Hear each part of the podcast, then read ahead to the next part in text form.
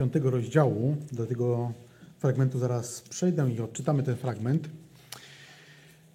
On ma trochę taką, można powiedzieć, nietypową strukturę, ponieważ pewna opowieść, która jest tutaj przekazywana przez autora, przez Marka, rozpoczyna się w 21 rozdziale, przepraszam, wersecie 5 rozdziału.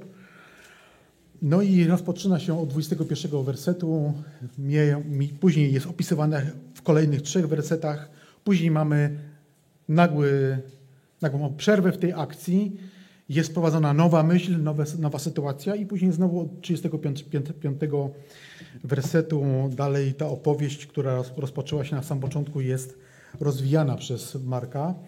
I gdybyśmy spojrzeli na Ewangelię Mateusza i Łukasza, to ciekawostką jest to, że wszyscy, wszyscy tak samo ten fragment, to wydarzenia, te dwa wydarzenia opisują i wszyscy tak samo to ujmują w podobny rytm różnych okoliczności, które następują po sobie. Dzisiejszy fragment z tej relacji zapisany jest w trzech Ewangeliach, chociaż one się między sobą różnią, ale też o, tych różnicach jeszcze też wspomnę. E, jest to fragment, który opisuje trzy zdarzenia podczas służby Pana Jezusa, trzy momenty, w których Pan Jezus używa swojej boskiej mocy do tego, żeby przywrócić ludzi do życia.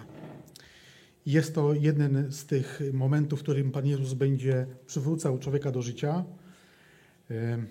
Pewną małą dziewczynkę, e, córkę Jaira, o czym zaraz jeszcze przeczytamy. I te trzy, te trzy wydarzenia, które opisują, pokazują moc Pana Jezusa, można powiedzieć, że te wydarzenia różnią się bardzo od siebie, bo ci ludzie są w różnym statusie, w różnym wieku, w różnym majątku i również ich relacja z Panem Jezusem jest różna. Łazarz jest przyjacielem, ale na przykład syn wdowy z Nain w ogóle pewnie nie słyszał o Panu Jezusie. Tak samo jak ta mała dziewczynka. Być może tego słyszała, ale nie miała jakiejś głębszej relacji z Mesjaszem. I tu trzeba zauważyć, czy może kilka słów na temat śmierci, chociaż y, śmierć nie jest główną myślą tego fragmentu, przynajmniej ja tak do tego podchodzę, ale trzeba o niej coś powiedzieć jako taki słowa wstępu. Mianowicie śmierć jest wielkim niwelatorem wszystkich różnic. Bez względu na to, co człowiek w swoim życiu osiągnie, do czego dojdzie, czy inteligencją, czy pracą, czy pomocą innych ludzi, czy majątkiem, czy pozycją społeczną, czy jest bardzo znany, czy jest nikim w sensie ludzi, tak ludzie go postrzegają, to kiedy przychodzi śmierć, to tak jak nago się rodzimy z mamy, tak nago odchodzimy. I jest to tak oczywiste, że ludzkość o tym zapomina. Ale Pismo Święte, można powiedzieć, że uderza z taką mocą, opisując śmierć, że każdy, kto wczytuje się w słowa, słowa Pisma Świętego, musi być przekonany, że tak właśnie jest. Śmierć jest pokazywana w Piśmie Świętym jako powszechna, nieodwołalna i uniwersalna, dotykająca wszystkich ludzi. Nikt przed nią nie ucieknie, nikt nigdy nic nie wymyśli, co, mógłby, co mogłoby spowodować, że ktoś ucieknie przed śmiercią. I to jest o tyle y, taka stara i nowa myśl, bo kiedy popatrzymy na Adama i Ewę, to kiedy mieli relację z wężem, z szatanem, to już wtedy pojawiła się myśl, może, żeby być tacy jak Bóg. Chociaż oni nie mieli umierać, ale chcieli jeszcze coś więcej. Coś, co do nich nie należało. I dzisiaj, kiedy patrzymy na ludzi, którzy są zapatrzeni w naukę, to wielu z nich też myśli, że, myśli, że nauka, technologia, medycyna spowoduje, że będzie można y, żyć bardzo długo, a może nawet w nieskończoność. Gdzieś tą swoją świadomość kopiować na urządzenia elektroniczne, wszczepiać w inne klony, czy jak to nazwać, ale to jest bajka. Bóg mówi, że takiej nie będzie. Nikt z ludzi nad śmiercią nigdy panować nie będzie. Śmierć została pokonana, o tym wiemy jako ludzi wierzący. Patrzymy na krzyż Chrystusa i śmierć jest pokonana. Patrzymy na Jego chwalebne zmartwychwstanie i śmierć pokonana jest. Co więcej, patrzymy w Słowo Boże i już na początku Księgi Objawienia, która kończy Pismo Święte, widzimy tam Mesjasza, który mówi o sobie, że ma w swoim ręku klucze śmierci i Hadesu, czyli grobu. Jeśli ktoś ma od czegoś klucze, no to może zgodnie ze własną wolą otwierać to pomieszczenie i zamykać, kiedy zechce. Więc śmierć jest w ręku Boga. Pod koniec tej księgi, Księgi Objawienia, w 20 rozdziale, 14 wersecie czytamy, że ostatecznie śmierć zostanie usunięta w dniu sądu Bożego. Po prostu jest tam taki obraz, pewnie sobie kojarzymy ten obraz bardzo plastyczny, kiedy śmierć trafia do jeziora ognia i siarki i jest po niej. Śmierć jest tylko i wyłącznie w dyspozycji Boga. I tak też to dzisiaj zobaczymy w tym fragmencie, że tak to właśnie wygląda. Y, bo dzisiejszy fragment jest świadectwem mocy Boga i Jego miłości, łaski, o czym też jeszcze wspomnę i może rozwinę. Ale zanim do tego przejdę, do tego rozwinięcia tych myśli, bardzo proszę, otwórzmy swoje Biblię na Ewangelii Marka, piątym rozdziale. Od 21 wersetu będę czytał do końca rozdziału. Prawdopodobnie też zobaczymy to na naszym rzutniku. Ja czytam z tłumaczenia UBG. A gdy Jezus przeprawił się z powrotem w łodzi na drugą stronę, zebrało się wokół niego mnóstwo ludzi, a on był nad morzem. Wtedy przyszedł jeden z przełożonych synagogi imieniem Jair, a gdy go zobaczył, padł mu do nóg i prosił go usilnie: Moja córeczka umiera. Przyjdź, połóż na nią ręce, aby została uzdrowiona, a będzie żyła. I poszedł za nim. Szło za nim mnóstwo ludzi, którzy na niego napierali. Wtedy pewna kobieta, która od 12 lat cierpiała na upływ krwi i wiele wycierpiała od licznych lekarzy i wydała mnóstwo, wszystko co miała, a nic jej nie pomogło, przeciwnie, pogarszało się, ją, się jej, usłyszawszy o Jezusie, podeszła w tłumie od tyłu i dotknęła jego szaty. Mówiła bowiem, jeśli dotknę choćby jego szaty, będę uzdrowiona. I natychmiast ustał jej upływ krwi, i poczuła w ciele, że została uzdrowiona ze swojej choroby. A Jezus od razu poznał, że wyszła z niego moc. Odwrócił się do tłumu i zapytał, kto dotknął moich szat? Odpowiedzieli, odpowiedzieli mu jego uczniowie, widzisz tłum na ciebie napierający, a pytasz, kto się mnie dotknął? I spojrzał wokoło, aby zobaczyć tę, która to uczyniła. Wtedy kobieta ze strachem i z drżeniem, widząc, co się z nią stało, podeszła, upadła przed nim i wyznała mu całą prawdę. A on powiedział do niej: Córko, twoja wiara cię uzdrowiła. Idź w pokoju i bądź uzdrowiona ze swojej choroby. Gdy jeszcze mówił, przyszli ludzie od przełożonego synagogi i powiedzieli: Twoja córka umarła. Czemu jeszcze trudzisz nauczyciela? Ale Jezus, gdy tylko to usłyszał, co mówili, powiedział do przełożonego synagogi: Nie bój się, tylko wierz i nie pozwolił iść za sobą nikomu oprócz Piotra, Jakuba i Jana, brata Jakuba. A gdy przyszedł do domu przełożonego synagogi, zobaczył tam zamieszanie oraz płaczących i bardzo zawodzących. Wszedłszy więc, powiedział do nich: Dlaczego robicie zamieszanie i płaczecie? Dziewczynka nie umarła, tylko śpi. I naśmiewali się z niego, ale on wyrzucił wszystkich, wziął ze sobą ojca i matkę dziewczynki oraz tych, którzy przy nim byli i wszedł tam, gdzie leżała dziewczynka, ujął dziewczynkę za rękę i powiedział do niej Telita kumi, co znaczy dziewczynko, mówię ci, wstań. I natychmiast wstała dziewczynka i chodziła, miała bowiem 12 lat i ogarnęło jej wielkie zdumienie.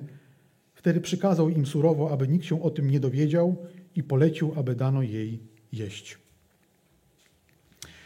W związku z tym fragmentem Zastanawiając się nad nim, powstało kilka pytań w mojej głowie i myślę, że trzy z nich postaram się poruszyć i też te pytania przybliżę. Pierwsze pytanie: jak mogę sprawdzić fundament swojej wiary? Czy mogę sam sobie zrobić jakiś test, który pokaże, czy moja wiara jest i jak ona wygląda?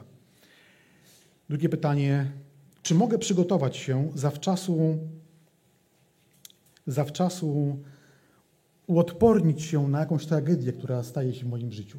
Czy mogę tak sobie ułożyć swoje przemyślenia, żeby móc być przygotowany jak pancernik na każde zdarzenie? Czy jest to możliwe? I co to znaczy, że Jezus nigdy się nie spóźnia? To ostatnie pytanie. Postaram się poszukać chociażby z takich znamion odpowiedzi na te pytania w tym fragmencie.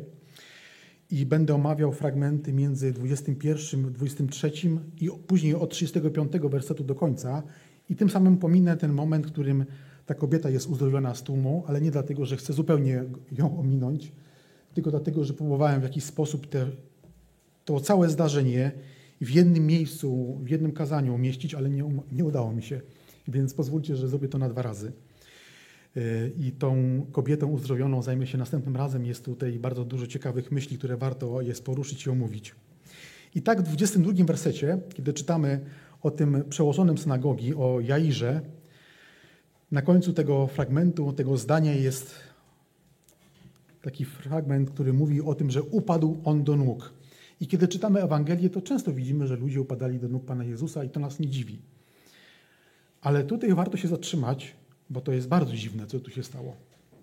Dlatego, że przyłożonym synagogi nie był zwykłym szarym Żydem, tak bym to określił.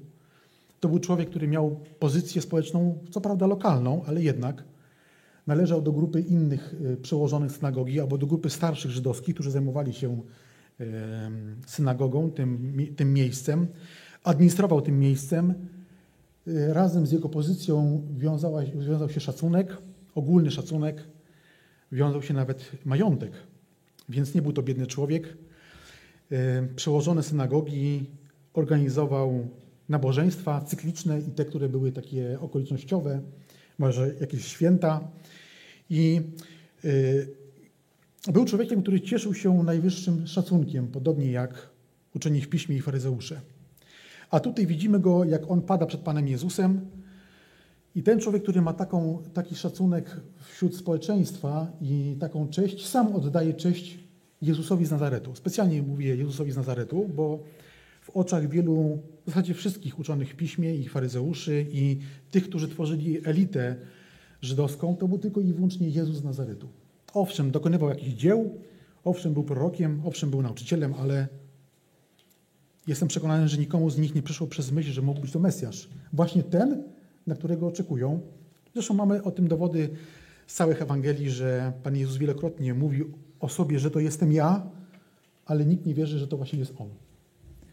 Chociaż daje tego dowody, a i tak później domagają się znaku. Także z całą pewnością ta elita żydowska nie uznawała Pana Jezusa jako Pana, jako Mesjasza. Całkiem możliwe, że również do tej elity tak myślących ludzi należy Jair. Zresztą będziemy chcieli przez kilka takich fragmentów, które widać w tym, w tym dzisiejszym odcinku, który czytaliśmy, że można pewne wnioski wyciągnąć, bardzo pośrednie, ale jednak, jak Jair się zapatrywał na Pana Jezusa. I bardzo wyjątkowe jest w jego wykonaniu to, że przychodzi do Pana Jezusa, pada przed nim do jego nóg i prosi go o pomoc. Oczywiście wiemy, że jest sytuacji, w której każdy rodzic robi wszystko, żeby pomóc swojemu dziecku. Więc nie dziwi nas to, że tak się zachowuje, ale zaraz o tym powiem może trochę więcej. Musiało w nim zajść jakieś złamanie jego dumy, jego kręgosłupa, takiego, który mu pozwalał być w tym społeczeństwie kimś, żeby przyjść do Jezusa i tak się zachować. I w wersecie 30, 23 czytamy, że usilnie go prosił, to jest w przekładzie UBG, a w Biblii Warszawskiej mamy napisane, bardzo ładnie to są dane, błagał go usilnie, błagał go usilnie. Pada na kolana, błaga go usilnie, moja córeczka umiera, przyjdź, połóż na nią ręce, aby została uzdrowiona, a będzie żyła. Dwa zdania, wszystko w nich wiemy, co się dzieje w jego domu. Mateusz trochę inaczej opisuje ten fragment. Ja przy, przytoczę to, jak to widzi Mateusz, jak to relacjonuje Mateusz. Można powiedzieć, że Mateusz robi pewien skrót myślowy, bo Łukasz i Marek bardzo podobnie to opisują. Jeden i drugi się uzupełnia, ale Mateusz pisze tak. Pewien przełożony synagogi przyszedł, oddał pokłon i powiedział: Moja córka dopiero co umarła, ale przyjdź, połóż na nią ręce, a ożyje. W relacji Mateusza Jair stwierdza już śmierć swojej córki. Skąd ta różnica? No właśnie stąd, że Mateusz pisze skrótowo i w usta y, Jaira wkłada całą sekwencję zdarzeń, która zajmuje dużo więcej miejsca w relacji Łukasza i w relacji Marka. On już stwierdza tam, że ona nie żyje, więc oczekuje pomocy Pana Jezusa i, i yy, dlatego jest ta różnica. Pan y, Mateusz również opuszcza ten fragment, o którym pisze i Łukasz, i Marek, w którym przychodzi ktoś z domu Jaira i mówi, że właśnie jego córka umarła. Więc ponieważ pomija to, no to w jego usta wkłada już całą wypowiedź, że ona nie żyje. Mamy taki skrót. Ale gdyby się przyjrzeć tym trzem relacjom, to jest, są tutaj y, takie same, trzy najważniejsze elementy. Mianowicie Jair, jako przełożony synagogi, ktoś znaczny w społeczeństwie żydowskim, jest bezradny i przychodzi do Pana Jezusa w swojej bezradności i wyraża swoją wiarę, bo nawet Mateusz pisze, że umarła, ale przyjdź, połóż na nią ręce, a ożyje. Więc jest przekonany, że pomóc może tylko i wyłącznie Jezus z Nazaretu. Cokolwiek o nim wcześniej nie myślał, to jest o tym przekonany. No i Łukasz trochę rozwija tą myśl przewodnią dzisiejszego kazania, bo Pan Jezus mówi do niego: Nie bój się, tylko wierz, a będzie uzdrowiona. Nie tylko będzie żyć, ale będzie żyć zdrowo. Taka jest obietnica w tym fragmencie. Bezradny człowiek przychodzi do Pana Jezusa i prosi go o pomoc. Taka jest mniej więcej, e, taki obraz nam się Jaira przed oczami e, tutaj rysuje. E, imię Jair znaczy Jachwę oświeca. To ciekawa myśl jest. Ten człowiek, który był przełożonym synagogi i pewnie uczestniczył w każdym wydarzeniu w synagodze, bo był jego, jej nadzorcą, tak inni starsi tego pomieszczenia czy tego budynku, wielokrotnie pewnie już miał w swoich rękach zwoje Starego Testamentu, to cóż nowego się może dowiedzieć o Bogu? On zna Stary Testament, pewnie nawet na pamięć.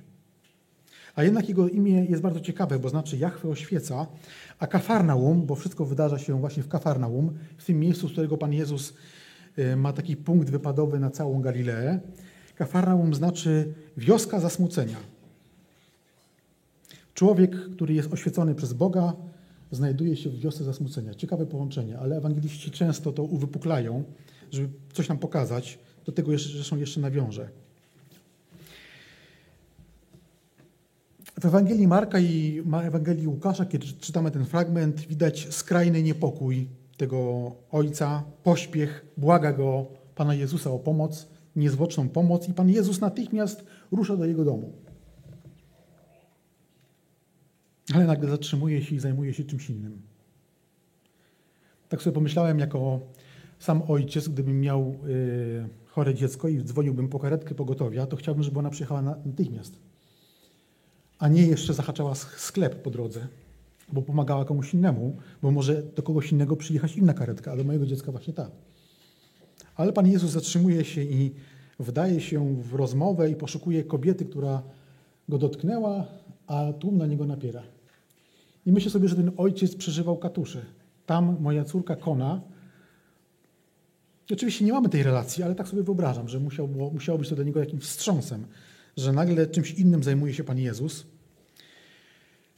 A ten rodzic przychodzi do Pana Jezusa w najgorszej sytuacji, w której może się znaleźć rodzic.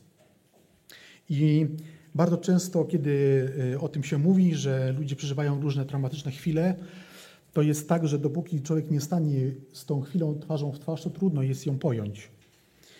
I mm, cofając się pamięcią do początku mojego małżeństwa, myślałem, że to już jest wszystko, coś, czego się mogę o życiu dowiedzieć. Ale kiedy urodziły się dzieci, to okazało się, że mogę wiedzieć jeszcze więcej. A kiedy zaczęły dorastać, to się okazało, że mogę dowiedzieć się jeszcze więcej, aż w końcu doszedłem do wniosku, że nie wiem nic. I tak coś w tym jest. Kiedy stajemy przed jakimś wyzwaniem, to wtedy myślę sobie, a to tak jest. Ale przed wieloma wyzwaniami nie staniemy. Mamy tylko opis w Piśmie Świętym. I poniekąd powiem Wam, że szczerze, że dotykam sytuacji, której nigdy jako rodzic nie znalazłem, bo moje dziecko nie było w takiej sytuacji ani jedno, ani drugie. Chorowały, ale to nie były jakieś choroby, które powodowały, że człowiek sobie wyrywa włosy z głowy albo siwieje z dnia na dzień. Natomiast ten ojciec jest w skrajności swojej tragedii życiowej, bo dziecko mu umiera. I można powiedzieć, że ta sytuacja powoduje z jego dzieckiem, że człowiek dumny, człowiek, który miał pewną pozycję, jego serce zostało złamane przez tę sytuację. Korzy się i przychodzi do Jezusa z Nazaretu. Ktoś, kto ma jakąś pozycję w społeczeństwie nie chce być zależny od kogoś, kto jest od niego niżej. A tak był Pan Jezus pojmowany. Jakiś cieśla, czy syn cieśli, no to nikt, kto był y, w takiej pozycji jak Jair, nie chciałby być zależny od kogoś takiego, ale ten ojciec chce. Jest w takiej sytuacji, że chce. Ale ludzie w ogóle, jako ludzie, chcemy być niezależni. I myślę, że jedną z pierwszych rzeczy, jaką człowiek musi sobie uświadomić, przychodząc do Chrystusa, to to, że jest od Boga w całkowicie zależny. Bez względu na to, co osiągnąłem w swoim życiu, to muszę Bogu wyznać, nie mam nic, nic Ci nie mogę dać. Mogę tylko Ciebie wziąć. I myślę, że Jair był w takim miejscu, gdzie uświadamiał sobie, że, że właśnie Bóg go oświeca swoim poznaniem. Chyba wtedy być może zaczął uświadamiać sobie, że jeszcze Boga do tej pory nie znał. Ale zaraz jeszcze do tego powrócę. Jair posiadał wiarę w możliwości Jezusa z Nazaretu, chociaż tak być może nie myślał, bo wyznaje Panu Jezusowi, że przyjdź, połóż ręce, a będzie uzdrowiona. Nie wysyła kogoś innego, nie wstydzi się sam przyjść, nie posługuje się innymi ludźmi, tylko sam przychodzi przed Pana Jezusa i to wyznaje, porzuca dumę, staje przed człowiekiem, który jest w jego, wśród jego znajomych, wśród jego elity, której się obraca, pogardzany, bo Pan Jezus nie jest przez elity żydowskie przyjęty. I tego to Jezusa z Nazaretu, którego nikt z ważnych ludzi nie uznaje za Mesjasza, on teraz prosi o pomoc. W 23 jeszcze raz w fragmencie to przytoczę. Moja córka umiera, przyjdź, połóż na nią ręce. To jest wyznanie wiary, aby została uzdrowiona, a będzie żyła. On wierzy, że tak się może stać.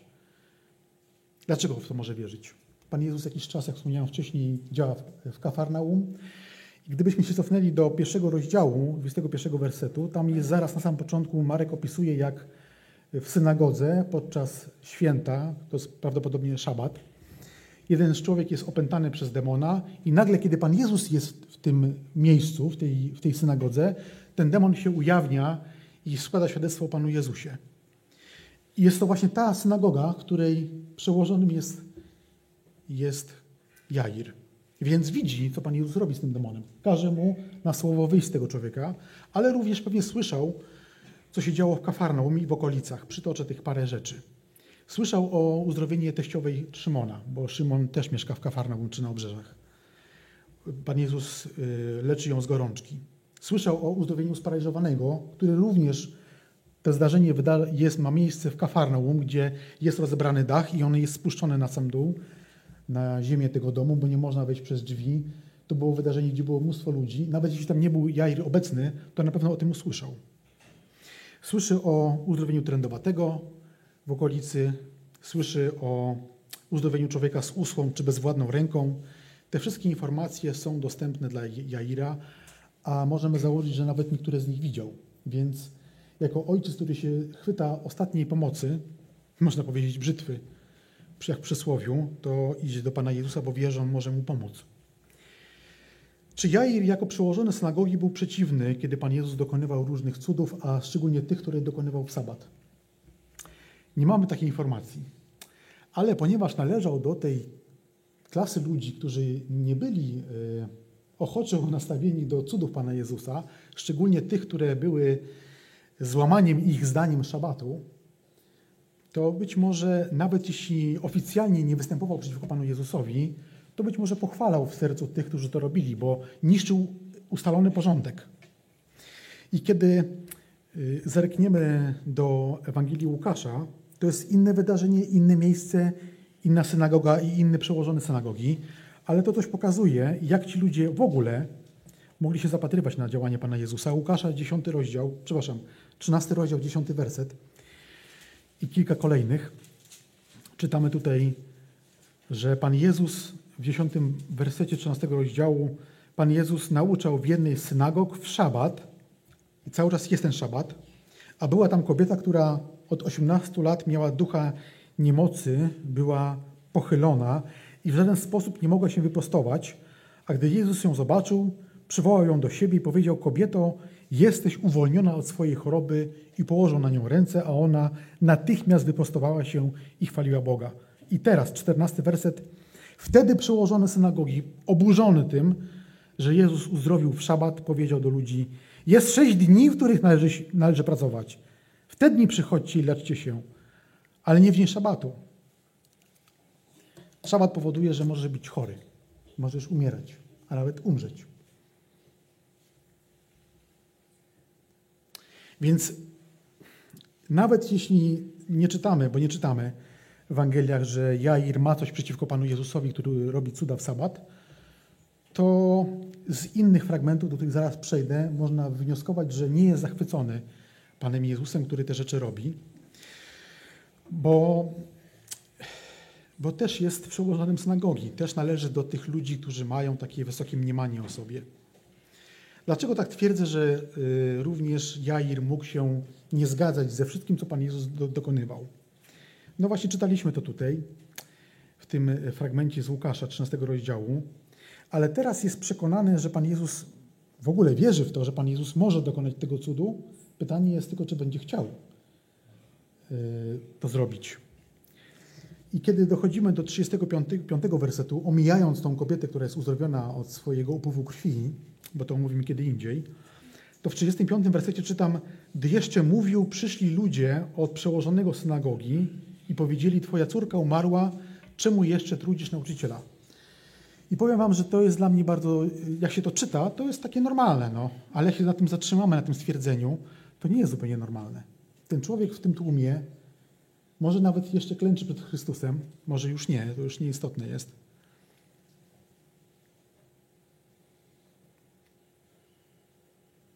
Przychodzą ludzie z jego domu, którzy byli świadkami śmierci jego córki.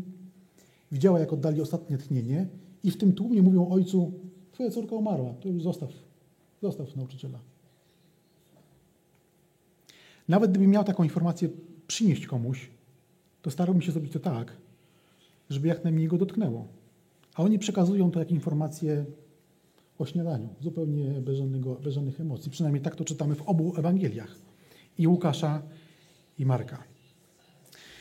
E, myślę, że to też jakieś światło rzuca na, na to, jak Pan Jezus mógł być postrzegany w, swoim, w domu Jaira i przez jego przyjaciół. Mówią, nie truć nauczyciela i z takim samym zdaniem do Pana Jezusa przychodzi e, Nikodem, mamy o tym relację w Ewangelii Jana, kiedy Nikodem mówi do Pana Jezusa, nauczycielu, wiemy, że coś tam robisz i, i tak dalej. Więc ci ludzie z tej pozycji społecznej, którzy byli zaangażowani w organizowanie życia duchowe Izraela, tak o Panu Jezusie myśleli, nie uznawali Go jako Mesjasza. I ci ludzie, którzy tu przychodzą i mówią, czemu jeszcze trudzisz nauczyciela, są wyrazi, wyrażicielami tego sposobu myślenia, tego, który również mógł być właściwy Jairowi. I zastanawiający jest ten pośpiech, który jest w tym zdaniu, Zostaw już nauczyciela, bo co on może poradzić, jak ona umarła? Wracaj z nami, niech on nawet nie przychodzi do Twojego domu. Przynajmniej ja, tak, ja tak tutaj między wierszami to widzę, że oni chcą się pozbyć Pana Jezusa jak najszybciej. Bo skoro nie, ona już umarła, a on Ci nie może pomóc, no to wracajmy do domu, tak? Organizujmy pogrzeb. Zdaje się, że jakby ta śmierć tej dziewczynki przyniosła im jakąś ulgę. Już dalej nie muszą się zajmować Panem Jezusem. Oczywiście to są takie tylko pośrednie domysły, ale te zdania, takie suche, szorstkie i zimne, prowadzą jakieś takie we mnie przeczucie, że ci ludzie nie są przychylni działalności Pana Jezusa i chcą tego Jaira zabrać ze sobą.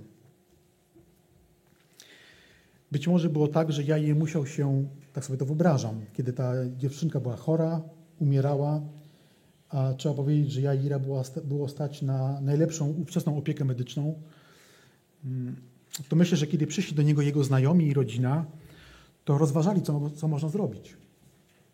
Może była taka sytuacja, że Jair, Jair nagle wpada na pomysł, jest jeszcze ten nauczyciel, może do niego pójdę. Może go odwracali od tego pomysłu, żeby tam nie iść, bo to wiesz, to jest ten z Nazaretu, to nie bardzo. Ten, ten cieśla. Jakkolwiek by nie było, to ci domownicy, ci przyjaciele, którzy przyszli do Jaira, no, bardzo szorstko do niego przemawiają. czemu jeszcze trudzić nauczyciela? Jak w tym momencie poczuł się Jair, jako ojciec, który dowiaduje się od osób trzecich, że jego córka umarła. Wychodził, jeszcze, jeszcze żyła. Co prawda ledwo, ledwo, ale żyła. A teraz dowiaduje się, że umarła. I to jest rzecz, która, której ja nie jestem w stanie sobie wyobrazić, bo w taki sposób, żeby to dotknąć, mogę tylko o tym myśleć, że Co się mogło dziać wtedy w umyśle ojca, który dowiaduje się, że jego jedynaczka, tego nie mamy w Ewangelii Marka, ale Łukasz o tym pisze, że to była jego jedynaczka. Jedyne dziecko umiera, a jego przy tym nie było. Co mógł sobie pomyśleć? Nie wiem. Myślę, może, może pomyślał, że to już jest koniec. Za późno. Chciał przynieść jej pomoc, ale spóźnił się, bo Pan Jezus zatrzymał się przy kobiecie, która miała upływ krwi. Spóźnił się, bo tłum na niego napierał i coś się stało. I Pan Jezus jeszcze się nią zainteresował, tą kobietą. Przecież ona była uzdrowiona, a jego córka umarła. Jeśli tak pomyślał, to musiała być to tragedia w jego sercu. Ale Jezus nie ignoruje tej, tej hiobowej wieści, można powiedzieć, tych ludzi, tylko od razu przychodzi do, do tego, żeby ratować y, może tlącą się wiarę tego człowieka, a może nawet już ją stracił. Pan Jezus y, mówi do niego te, te słowa, 36 werset, ale Jezus, gdy tylko usłyszał, co mówili, gdy tylko usłyszał, czyli od razu zareagował, powiedział do przełożonego synagogi: Nie bój się, tylko wierz. Nawet jeśli Jair pomyślał sobie, to już koniec, to już po wszystkim za późno.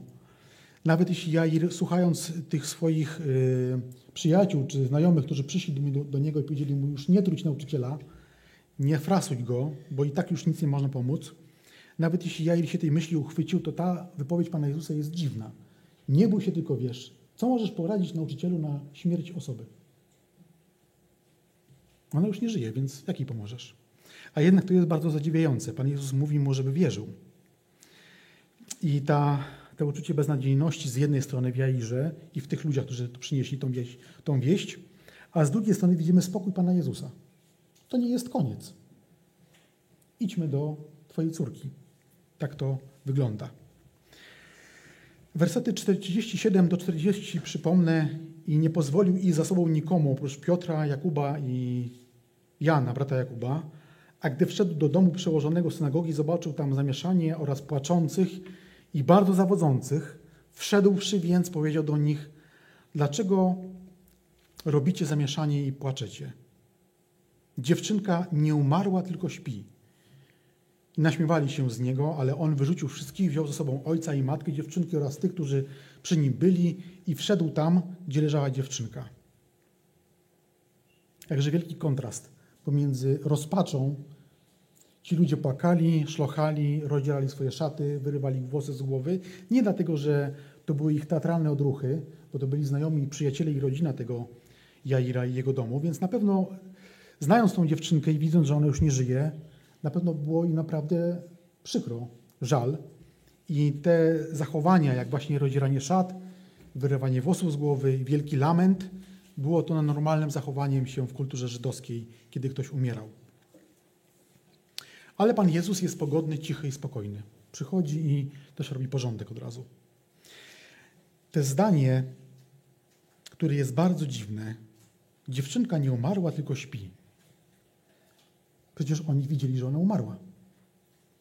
Kiedy zaglądamy do relacji Łukasza, Łukasz dodaje jedno zdanie przy tej okazji, kiedy oni się z Pana Jezusa naśpiewają. Jeśli dobrze kojarzę, to jest ósmy rozdział.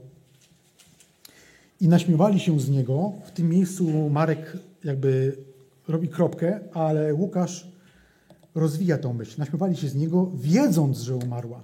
Ta dziewczynka nie żyła.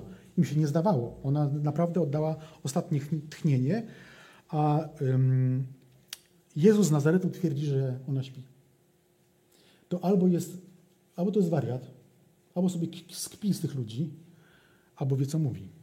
Jedno musi być nieprawdą.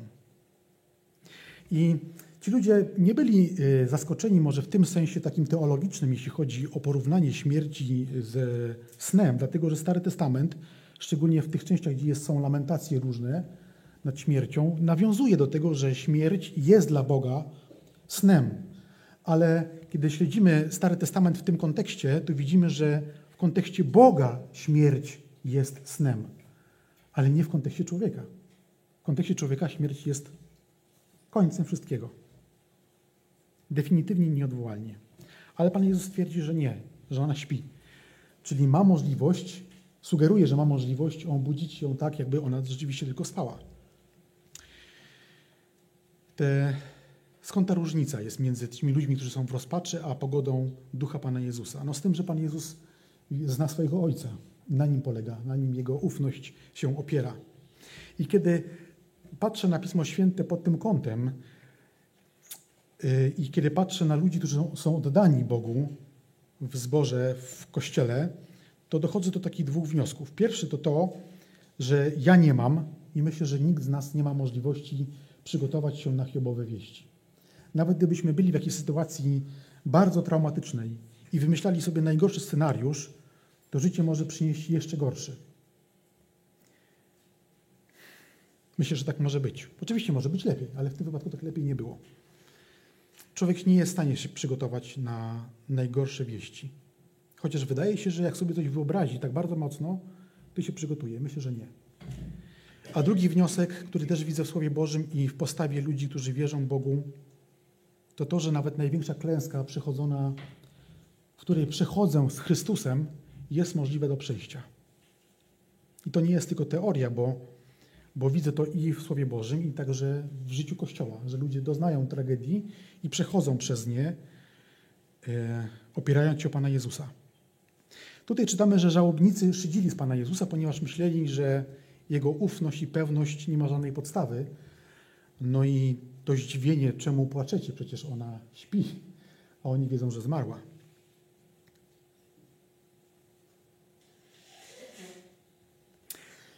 Ta postawa tych ludzi przywodzi mi jeszcze jedną myśl, która się wiąże z tym wnioskiem, że Jair nie musiałby być zachwycony tym, jego przyjaciele nie musieli być zachwyceni tym, że szedł o pomoc do Jezusa z Nazaretu. Dlatego, że ta wypowiedź Pana Jezusa, dziewczynka nie umarła, tylko śpi, uwidatniła to, co jest w sercu tych ludzi. W nim była żałość, ale było też chyba jakiś, jakaś pogarda Pana Jezusa. Gdyby to byli ludzie wierzący, to myślę, że zachowywaliby się inaczej. Przynajmniej by się zamknęli. Ale oni wyśmiewają się i to chyba jest jeszcze gorsze, bo to wszystko się dzieje nad zmarłą. Jak się zachowują, co myślą, co czują rodzice. W ogóle ta sytuacja tu opisana wywraca moje myślenie. E, kiedy sobie to wyobrażę, co tam się musiało dziać, to chyba tylko sceny dantejskie bardziej, bardziej są poruszające niż to wszystko. Ale Pan Jezus cały czas jest spokojny i dąży do finału całej sprawy. Postawa Pana Jezusa świadczy o tym, że u Boga wszystko jest możliwe. Tam, gdzie wszystkie nasze możliwości się kończą, nawet możliwości związane z najpiękniejszym wyobrażeniem sobie pięknego finału kłopotów, to Boże działanie przewyższa nasze najpiękniejsze myśli. I w rzeczywistości Bóg wykracza poza sytuację.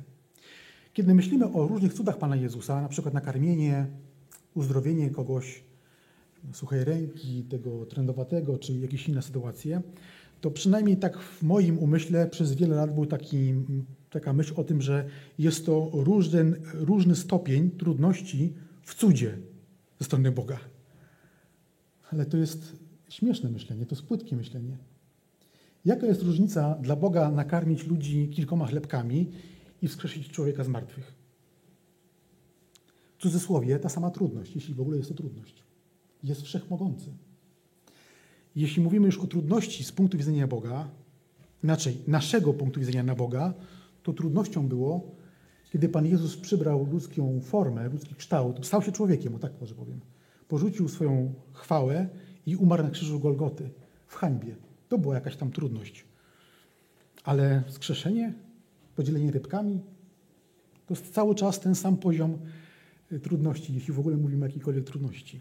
Pan Jezus to wszystko wie, że to jest y, z punktu widzenia Bożego takie proste. Z punktu widzenia człowieka to jest koniec.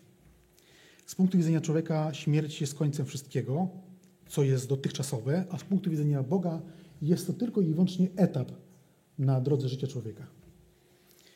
Jakże często trudno jest mi tak myśleć o tym, co dokonuje Bóg. Zamykam się na tym tylko, co jest tu i teraz, a trudno mi spojrzeć na wieczność, którą dostrzega Bóg. I też to widać w postawie tych ludzi, że tak właśnie oni na to patrzą. Nie ma żadnej sytuacji, która mogłaby Boga zaskoczyć. Tak samo tutaj. To nie jest coś, co Boga zaskakuje, nawet kiedy Pan Jezus zatrzymuje się nad kobietą, która była uzdrowiona dotknięciem jego szaty, to on się nie spóźnia do tej dziewczynki. Bo to, czy on ją uzdrawia z choroby, czy wskrzesza z martwych, nie stanowi to żadnej różnicy. Pan Jezus używa tego eufemizmu, ona tylko śpi, bo pokazuje, że moc Boża wykracza poza to, co jest w ogóle nam możliwe do pojęcia. Tak samo jak my możemy sobie spokojnie zbudzić kogoś, kto śpi, a nawet Bóg to robi łatwiej, bo my czasami musimy śpiącego mocno, nad nim tam się mocno natrudzić, żeby, się, żeby go wyrwać ze snu. Pan się, Bóg się tak nie, nie trudzi nad nikim. Czytaliśmy w 40 wersecie i naśmiewali się z niego, ale on wyrzucił wszystkich. Pan Jezus jest spokojny, cichy, tchnie z niego pozytywne, pozytywne podejście do tych wszystkich sytuacji, chociaż rozumie powagę sytuacji, to jest zdecydowany i szorstki. Dlaczego tych ludzi wyrzuca? Odpowiedzią dla mnie jest fragment z czwartego rozdziału Ewangelii Marka, który już omawialiśmy parę tygodni, może więcej, parę miesięcy temu. Czwarty rozdział, 24 i 25 werset. Pan Jezus tam podaje szereg różnych przypowieści i w tym fragmencie mówi tak. Marka 4, 24, 25 i powiedział do nich: Uważajcie na to, czego słuchacie, jaką miarą mierzycie, taką wam będzie odmierzone. Wam, którzy słuchacie, zostanie jeszcze dodane. I ten 25 werset. Kto bowiem ma, będzie mu dane, a ten, kto nie ma, zostanie mu zabrane nawet to, co ma. I myślę, że na tych ludziach, którzy drwili z Pana Jezusa, spełnia się ta zasada Królestwa Bożego. Oni ujawnili to, co jest w swoim sercu, to, co było ich w sercu na tą wypowiedź, jakże dziwną Pana Jezusa, że dziewczynka nie umarła, tylko śpi, ujawniło się to, co było w ich sercu drwinami, ale pokazali, że ich zatwardziałe serce nie jest gotowe do wiary. Być może w przyszłości to się zmieniło, ale w tym momencie, w tym domu, kiedy byli, przy tej dziewczynce, nie byli zdolni do tego, żeby zobaczyć Bożą miłość, łaskę i moc. I Pan Jezus ich po prostu wyrzuca. Zabiera im nawet to, co mają, a nie mają nic, więc, więc pozostają z niczym. Ten, ta postawa tych ludzi też przywodzi mi na myśl taką rzecz, że osoba zbawiona, zrodzona z Ducha Świętego, będąca cały czas w relacji z Bogiem, też muszę cały czas pracować nad tym, żeby moje serce było czułe na to, co będzie chciał robić ze, mną, ze, mnie, ze mną Bóg. Bo droga do uświęcenia to jest droga poprzez różne wydarzenia, poprzez cierpienie, poprzez jakieś sytuacje, które mnie zaskakują, z którymi się nie zgadzam, które jak przechodzę, a zdarzyło mi się tak w moim życiu, że w jakimś sensie wyrzucałem Bogu w modlitwie, mówiąc: No i co przez to osiągnęłeś? Gdzieś tam na kolanach byłem, w jakiejś sytuacji życiowej, i to był wyrzut, tak. Nie można było mi tego nauczyć w inny sposób? Myślę, że, myślę, że nie. Myślę, że nie. Myślę, że również to, co tutaj doznał y, Jair i jego żona, ich serca też nie można było szerzej otworzyć na Boga, jak właśnie takim przeżyciem. Bo musimy pamiętać o tym, że kiedy Jair słyszy od Pana Jezusa słowa nie bój się, tylko wierz, to jego małżonka stoi już nad grobem swojej córki. Ona już widzi, że ona nie oddycha. Pan Jezus mówi mu te słowa, bo chce, żeby ten człowiek przyszedł do swojego domu z, jakimś, z jakąś nadzieją. To są takie rzeczy, które w dużej części mogę tylko teoretycznie rozważyć, bo z tego, co tutaj czytam, w większości mnie omija w moim życiu, chociaż nie wiem, co jest w przyszłości, ale to pokazuje, że trzymając się Pana Jezusa, jestem w stanie przejść najgorsze cienie, które mogą przyjść na człowieka. 41 do 43 czytamy, że Jezus ujął dziewczynkę za rękę i powiedział do niej talita kumi, co znaczy dziewczynko, mówię ci wstań. Natychmiast stała dziewczynka i chodziła, miała bowiem 12 lat i ogarnęło ich wielkie zdumienie. Wtedy przykazał im surowo, aby nikt o tym się nie dowiedział i polecił, aby dano jej jeść. Jeszcze dwa słowa co do tego fragmentu, może nie, każdy, nie każde miejsce tutaj poruszę, ale chociażby to, że mm, tylko Marek w swojej Ewangelii bardzo dużo wprowadza słów czy zwrotów aramejskich. Talita mi, Boanerges, synowie gromu, Gehenna, miejsce wiecznej kaźni czy, czy wiecznej, wiecznego cierpienia z powodu odrzucenia Pana Jezusa. Ale też mamy inne słowa aramejskie. Szatan, efata, otwórz się, czy Eloi, Eloi, lama sabachthani. A żołnierze rzymscy myśleli, że Eliasza wzywa, a Pan Jezus, przytłoczony naszymi grzechami, wtedy mówił do Boga, czemuś mnie opuścił. No właśnie temu, że nosił nasze grzechy. Ale Marek posługuje się tymi e, amarejskimi sformułowaniami. Przez to otwiera przed nami jakiś inny świat języka, języka, w którym Żydzi na ogół porozumiewali się między sobą w swoich relacjach, poza tym, że też, władali językiem greckim. Ta informacja, którą mamy też w tym fragmencie, w 42 wersecie, gdzie dziewczynka ma 12 lat, jest ważna też z żydowskiego punktu widzenia. Mianowicie, kiedy dziewczynka miała 12 lat, rodzice kojarzyli wtedy małżeństwo. Chłopiec miał 13, zazwyczaj dziewczynka 12 i wtedy też rodzice dogadywali się, jak będzie wyglądała dalsza część życia ich dzieci. I kiedy to byli, jeśli to byli mądrzy rodzice, a z reguły tak było, jeśli to nie byli rodzice, którzy na przykład mieli jakąś władzę królewską, bo jak tu wchodzimy na ten teren, to już jest zupełnie inna sytuacja, bo czasami związki małżeńskie zawierały się dla przymierzy, ale ludzie, którzy nie musieli tego robić, pewnie wydawali swoje dzieci za tych, którzy odpowiadali im ich statusowi, żeby nie prowadzać jakiegoś mezaliansu ich kłopotów. Więc mądrzy rodzice, myślę, że to jest cenna myśl. Dzisiaj od dawna już od niej odeszliśmy. Mądrzy rodzice tak chcieli za, y, zarządzić, w taki sposób y, wprowadzić dziecko w życie dorosłe, żeby im się wiodło, a nie żeby cały czas tłukli na sobie gary. Więc kiedy ci rodzice widzą, że ich dziecko umarło mając 12 lat, a może, może już byli po jakimś słowie, albo już byli umawiani na jakieś słowo z kimś innym, to ta tragedia była jeszcze większa. Chociaż jak wiemy, od tego momentu, kiedy rodzice kojarzyli tych, te nastoletnie dzieci, mijały jeszcze lata, zanim doszło do, do ceremonii ślubnej, a później jeszcze około roku, zanim ci ludzie zaczęli mieszkać razem jako małżeństwo. Ale to takie informacje poboczne. W 41 wersecie czytamy, że Pan Jezus ujął dziewczynkę za rękę i powiedział do niej, dziewczynko, mówię Ci, wstań. Czy Pan Jezus musiał mieć fizyczny kontakt z człowiekiem, którego uzdrawiał? Nie. Wiemy, że mamy kilka relacji z Ewangelii, że na słowo ktoś tam gdzieś tam chory jest uzdrowiony. Ale tutaj, patrząc na to z żydowskiego punktu widzenia, też to ma znaczenie. A nawet nie z żydowskiego punktu widzenia, ale może na początek dwa zdania o tym. Dla Żydów kontakt ze zmarłym jest wzięciem na siebie nieczystości, nieczystości ceremonialnej, a z tego w Torze wiemy, że Tora mówiła, że są pewne konsekwencje tego, że ktoś dotyka zmarłego, więc jeśli nie trzeba było, Żydzi tego nie robili. Oczywiście ktoś zmarł, no to trzeba było się nim zająć. Pamiętamy na pewno, jak Pan Jezus umiera, to Józef z Arymatei i Nikodem biorą Pana Jezusa i go chowają.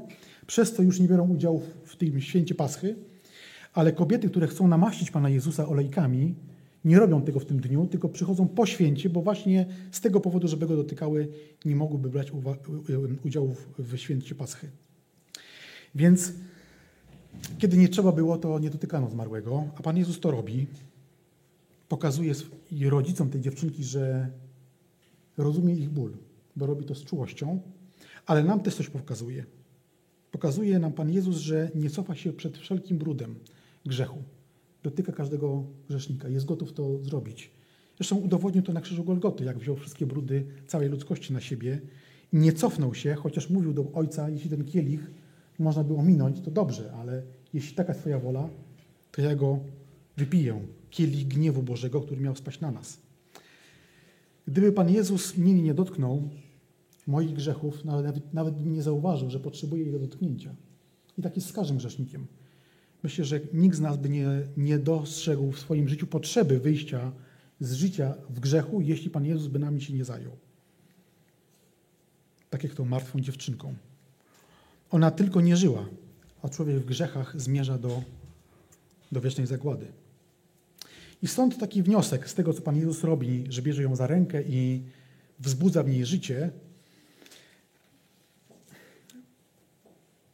Taki wniosek, że jeśli nawet w swoim życiu nie widzisz wyciągniętej ręki Boga do ciebie, to z całą pewnością ta ręka jest wyciągnięta.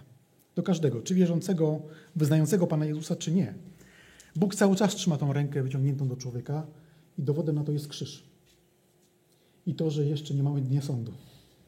Cały czas Bóg oczekuje i proponuje i chce tej relacji z człowiekiem. Jak zauważyliście, być może y, często nawiązując do wzbudzenia zmartwych, tą dziewczynkę nie używałem słowa zmartwychwstanie. Specjalnie go pomijałem z tego powodu, że w Nowym Testamencie widzę to słowo zmartwychwstanie w kontekście Pana Jezusa. Pan Jezus naprawdę zmartwychwstał. Do chwały, do wieczności. Ta dziewczynka, do tej dziewczynki wróciło tylko, tylko życie, albo aż życie, ale tylko życie. Ona i tak i tak musiała umrzeć. I każdy, kogo Pan Jezus przywrócił do życia. Ale prawdziwe zmartwychwstanie to to, które otrzymają ludzie zbawieni w nowym ciele, uwielbionym ciele Pana Jezusa. I oczywiście nie ma jakiegoś błędu, kiedy używamy w tych e, cudach słowa zmartwychwstanie, ale wydaje się, że Nowy Testament bardziej e, to słowo jakby rekwiruje dla tego zmartwychwstania, które Bóg udzieli zbawionym w dniach ostatnich. I jeszcze takie na koniec słowo, że Bóg posługuje się złem do tworzenia dobra. To już też wielokrotnie o tym mówiliśmy. I Bóg Biblii jest Bogiem paradoksów. Przez, przez śmierć Chrystusa Chrystus pokonuje śmierć. Śmierć przez śmierć? Ale tak jest. Pan Jezus spóźniony, bo ona umiera, ale jednak nie spóźniony, bo przez to, że umarła, buduje wiarę rodziców i do tego domu przychodzi wiara przez śmierć tej dziewczynki taka, jaka być może by nie przyszła, gdyby on ją tylko i wyłącznie, tylko, tak w cudzysłowie, tylko uzdrowił.